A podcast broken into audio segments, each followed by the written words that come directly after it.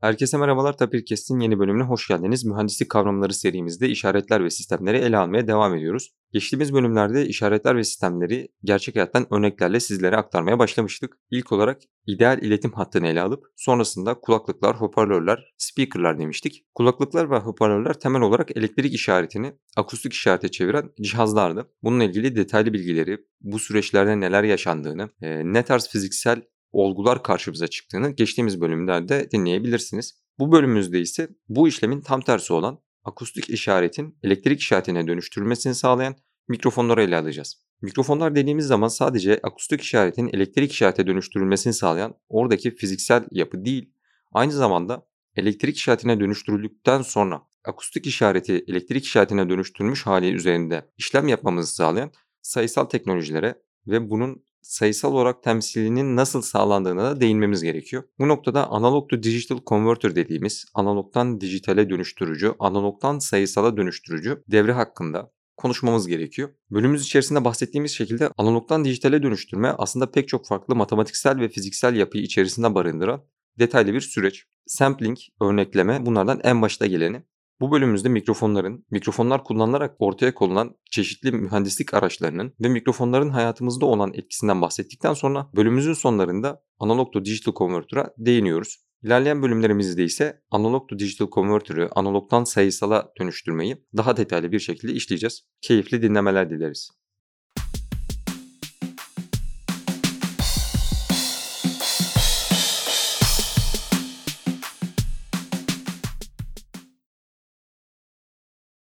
Serhan Hocam hoş geldiniz. Hoş bulduk Halil.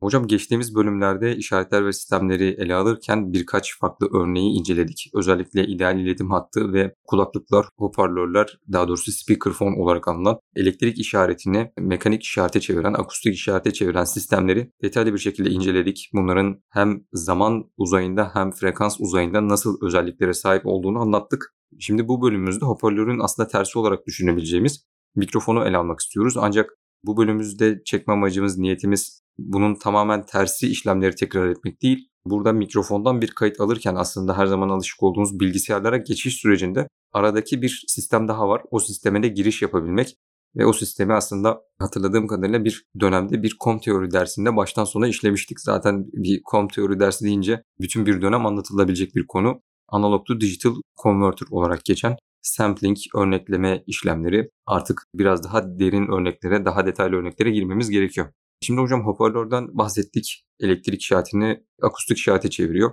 Mikrofonda ise tam tersi var dedik. Tabii mikrofonun çeşitli türleri var. İşte kondenser mikrofon, dinamik mikrofon gibi bunların detayına burada girmeyeceğiz. Sadece mikrofonun akustik işareti elektrik işaretine çeviren ama akustik sürekli olan işareti yine elektrikte sürekli olan işarete çeviren bir sistem olarak ele alacağız. Sonrasında bunun nasıl dijitalleştirildiğine, sayısallaştırıldığına değineceğiz. Şimdi hocam mikrofonun çalışması gereken aralık yine insan sesinin en fazla yoğun olduğu, insanların en fazla duyduğu aralık. Yani 0-20 Hz ile 20 kHz diyebiliriz. Ancak belirli bir yaştan sonra insanların çoğu 16-17 kHz'in üstünü duyamıyor zaten. Yaşlandıkça da bu azalıyor. Buna özel bir sistem tasarlıyoruz ve bu sistemin işaretler ve sistemler açısından özelliklerini ele almaya çalıştığımızda ise yine doğrusal ve zamanla değişen bir karakter aslında karşımıza çıkıyor. Çünkü doğal bir olay olduğu için ama biz yine uygulamalarımızda bunun frekans tepkisinin zamanla değişmediğini varsayıyoruz. Sizce hocam mikrofonun ve hoparlörün ayrıldığı nokta neresidir? Yani bunlar tamamen birbirinin terstir diyebilir miyiz? Halil öncelikle tekrar teşekkür ederim beni bu platforma davet ettiğiniz için. Şimdi tabii soruyu bu şekilde sorarsak bir kara kutu yaklaşımı itibariyle mikrofonu hoparlörün ideal koşullarda ters olarak kabul etmemiz gerekir. Çünkü bir akustik işaret oluşturma süreci var. Elektrikten akustiğe geçiş. Akustikten de elektriğe geçişinde büyük resim olarak bunun tam tersi olduğunu varsaymak lazım. Ancak senin de söylediğin gibi uygulama alanı düşünüldüğünde ya da bunu nasıl bir amaçla yaptığımız düşünüldüğünde hoparlörlerle ya da işte kulaklıklarla mikrofonların çok dramatik şekilde ayrıldığı noktalar olduğunu da görüyoruz. İşte örnek verelim bunlardan bir tanesi akustik olarak bakıldığında hoparlörlerin dizisini yan yana koyduğumuzda e, ortaya çıkan etkiyle bunları alıcı modda yani mikrofonları arka arkaya dizip elde ettiğimiz etki hemen hemen aynı değil. Bir defa bunların dağılım karakteristikleri, üretim karakteristikleri, hadi hepsini geçtik bunların hangi amaçla neyi nasıl ürettikleri ya da işleyecekleri genelde probleme özgü olduğu için farklı oluyor. Tabii belki ikisini bir arada ortaya koyan bir uygulamadan bahsetmek gerekebilir. Bir çok basit bir örnek belki hoparlör mikrofon olmayabilir ama yani aynı mantıkla sonar mesela bunun bir örneği. Yani bir akustik işareti ortama veriyorsunuz. Yansıyana tekrar mikrofona benzeyen transducer adını verdiğimiz cihazla alıyorsunuz ve işliyorsunuz. Hani bu açıdan bakıldığında bunlar aynı problem içerisinde birbirinin tersi olması gereken nesneler, cihazlar. Ancak yalnızca mikrofonu ele almak istediğimizde dediğin gibi akustik işareti elektriksel işarete çevirirken bir takım dönüşümler de işte doğrusal zamanla değişmeyen varsaydığımız özellikleri içeren yapıda bir kutudan bahsediyoruz ki bu hoparlörden biraz farklı. Örnek vermek gerekirse hoparlörün bir insan kulağına hitap ettiği söz konusudur. Ancak biz bunu mikrofon ile aldığımızda işte o akustik olarak almamız gereken ses her neyse bunu insan kulağına vermek kaydıyla almayabiliriz. Dolayısıyla burada demin senin de söylediğin gibi mikrofonun frekans tepkisinin hoparlörün aynısı olmasını istemeyebiliriz. Bazı seslerin çok daha yükseltilmesi gerekebilir.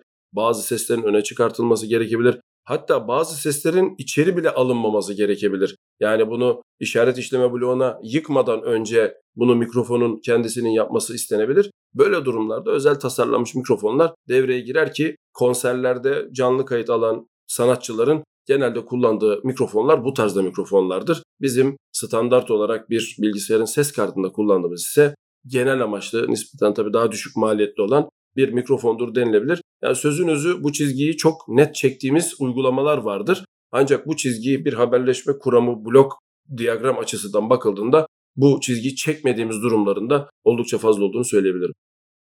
Olun hocam. Özellikle mikrofonların ve hoparlörlerin yönlülük açısından incelediğimizde çok ciddi farkları olduğunu biliyoruz. Tapir Kesler'in başlangıç sürecinde sanırım yaklaşık 2 ay boyunca çeşitli mikrofonları deneyip hatta bazı mikrofonları kullanmak için kendi yükselteç devrelerimizi yapıp bunlardan en optimum şekilde, en iyi şekilde nasıl faydalanabileceğimizi araştırmıştık. Şu an kullandığımız mikrofon aslında çift mikrofon ve yönlü bir mikrofon.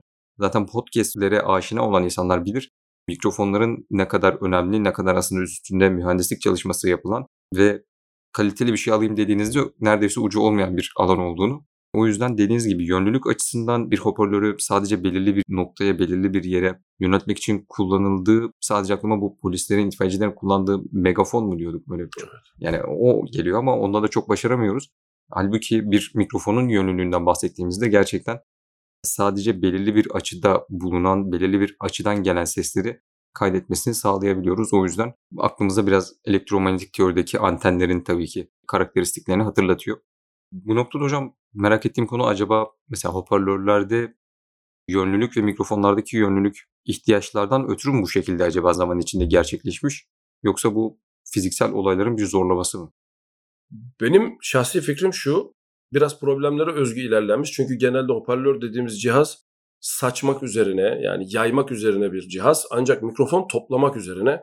Böyle olunca toplamanın kuvvetini diyelim tırnak içerisinde artırabilmek için yönlülük bilgisini kullanmak gerekiyor. Yani ortamdaki bir akustik enerjiyi toplamak istiyorsanız orada bunu yapmak için nispeten yaymaktan biraz daha zorlandığınız bir durum söz konusu. Biraz daha farklı bir fiziksel süreç söz konusu. Belki izleyicilerimiz e, çok buna aşinadır bir dönem NBA maçlarında timeout'a düşüldüğünde hocanın oyunculara ne söylediğini bu kadar büyük kalabalığın içerisinde net yayına aktaran sistemlerin nasıl yapıldığıyla alakalı bir aslında problemden bahsediyoruz. Orada mikrofona ek özel parabolik yardımcılar, toplayıcılar kullanılıyor ki yönlülük maksimum seviyeye ulaşsın ve etraftaki anafordan ziyade doğrudan koçun sahadaki öğrencilere, sahadaki oyunculara ne söylediğinin tamamen yayına düzgün aktarılması sağlansın. Hani bu açıdan hoparlörden biraz daha farklı bir yapısı var diyebiliriz mikrofonun. Soruna geri gelecek olursak anten benzetmesi gayet doğru. O da zaten bir akustik anten öyle düşünebilirsin. Alıcı anten diyelim. Anten iki türlü de oluyor çünkü. Şimdi ama bu akustik alıcıda yön bilgisini siz sisteme dahil ettiğinizde karşınıza hoparlörden biraz daha bağımsız başka bir şey çıkıyor. Çünkü artık yön bilgisiyle aldığınız işaret bu yön bilgisi antenin yani mikrofonun kendisinde yok ama bunu oraya yerleştiren kişi de var. Dolayısıyla içeri aktarılan işaretin yön bilgisini siz eğer bir referans sisteminiz yoksa işaret işleme bloğuna ekstra bir bilgi olarak vermek durumundasınız. Verirseniz işleriniz daha kolay olur bir başka deyişle. Dolayısıyla dönüşüm bölgesinde daha önceden olmayan yön bilgisi o tasarımı yapan kişi tarafından ya da bir referans sistemi vasıtasıyla alınarak işaret işleme bloğuna verilir ve çok daha başka işler yapılmasına müsaade eder. Dolayısıyla yönlülük, yön bilgisi işaret işleme için çok önemli başka bir bilgidir dönüşüm bölgesinde sağlanırsa. Hocam aslında insan vücudunu fizyolojik olarak incelediğimizde bahsettiğimiz konular o parabolik olarak toplayıcılar biraz kulak kepçesine hoparlörlerde ağzımıza benziyor diyebiliriz. Aslında yönlülüğün, sesin yönünün bizim açımızdan, bizim hayatımızda ne kadar önemli olduğunu da biliyoruz. Yani bir yerde karşıdan karşıya geçerken fark etmediğiniz bir arabanın çaldığı korna sağdan mı geliyor, soldan mı geliyor bilgisi daha siz bakmadan kulakları bir mikrofon olarak düşünürsek bu mikrofondan gelen işaretin beyinde işlenmesiyle birlikte yön bilgisi ortaya çıkarılıyor. Bunun da bizim daha öncesinde uğraştığımız pek çok problemle bağlantısı var. Sizin de dediğiniz gibi yönlük bilgisini ortamda bulunan mikrofonlardan elde etmek için akustik yön bulucu gibi çalışmalar yapılıyor. Bu çalışmalarda tabii ki yine daha önce çok çok konuştuğumuz güç yoğunluk dağılımı üstünden, frekans dağılımları ve Fourier transform üstünden bundan önce çokça bahsettiğimiz bütün araçları yine en sonuna kadar kullanarak bunlardan faydalanarak ve mikrofonların birbirlerine göre olan konumlarından ötürü ortaya çıkan faz farkından faydalanarak bu işlemleri gerçekleştiriyoruz. Aslında yönü tespit edebilmemiz için iki kameraya ihtiyacımız olduğu gibi derinlik bilgisinde ve en az iki tane mikrofona ihtiyacımız var. Ve bunların arasındaki uzaklığı, açıyı, bunların konumlarını uzayda çok iyi şekilde bilmemiz gerekiyor. O yüzden özel tasarlanmış, mikrofonlarla özel tasarlanmış aslında alıcılarla bu işlemleri gerçekleştiriyoruz. Bunun dediğiniz gibi elektromanyetik alana geçtiğimizde yine antenlerle aynı işlemleri yapabiliyoruz. Bu akustik yön bulucu örneğini özellikle vermek istedim çünkü her ne kadar insanlar tarafından pek fark edilmese sanırım hayatımızdaki pek çok alanda bunun kullanıldığını biliyoruz. Akustik işaret işleme günümüzde sanki telefonlar gibi yani telefon çalmadığı zaman bir problem. İşte biz hoparlörden ses gelmediği zaman problem ve mikrofon sesimizi almadığı zaman problem. Ancak bunun arkasında yatan o mühendisliği işin işine girdiğimizde ne kadar uğraştığımızı ve ne kadar ter döktüğümüzü hatırlıyorum burada. Şimdi burada senin söylediğin ek şunu söylemek istiyorum. İşaretler ve sistemler bakış açısında aslında yön bilgisi bizi bugüne kadar lisans seviyesinde derslerde pek girmediğimiz bir başka domaine çekiyor, bir başka bölgeye çekiyor. İşte buna MIMO ya da SIMO dediğimiz yani girişin tek, çıkışın çok olduğu ya da sağlayanın kaynağın tek, toplayanın çok olduğu durumlar. Burada yön bunlardan bir tanesi. İkinci problem de daha önce de konuşmuştuk. Hatta bununla alakalı da yine bir Tapircast'te podcast var diye biliyorum. Cocktail Party Problem. Yani burada yön bulmak bunlardan bir tanesi olduğu gibi kaynak ayrıştırması diye Türkçe'de adı verilen bir başka olgunun da gerçekleşmesi mümkün. Bu dediğiniz gibi birden fazla aynı zamanda lineer sistemin yan yana konarak arka tarafta bunları yöneten tek bir lineer sistem üzerinden işlenmesiyle elde edilebilecek başka bir şey. İstatistiksel karşılığı da bunun e, serbestlik derecesi diye geçiyor. Senin de söylediğin gibi eğer elinizde iki mikrofon varsa bir tane kaynağı ayırabilirsiniz. Ama bir kaynağın yönünü söyleyebilirsiniz. Elinizde üç mikrofon varsa işte yatay düzlem için düşünürsek bunu. iki kaynağı birbirinden ayırabilirsiniz. İkisinin de yönünü söyleyebilirsiniz. İşte elinizde en tane mikrofon varsa bunlar paralel bir şekilde lineer bir dizi ise eğer en eksi bir tane kaynağı ayırabilir ve bunların yönlerini söyleyebilirsiniz. İşaret işlemede çokça kullanılan MIMO dediğimiz şeyin de atası aslında budur Halil. Hocam şimdi bu işaret işleme işlemlerini, süreçlerini biz genelde bilgisayarda yani dijital ortamda ve sayısal olarak gerçekleştiriyoruz. Mikrofonun aldığı o akustik işaret elektrik işaretine döndükten sonra kablolardan bilgisayara gittiğinde o 3.5 mm jack dediğimiz o eski gerçi günümüzde artık iPhone'un falan farklı girişleri var. USB-C ya da Lightning de oluyor ama o eski 3.5 milimetrede bir sağ, bir sol, bir de ground dediğimiz, e, topraklama dediğimiz kanal.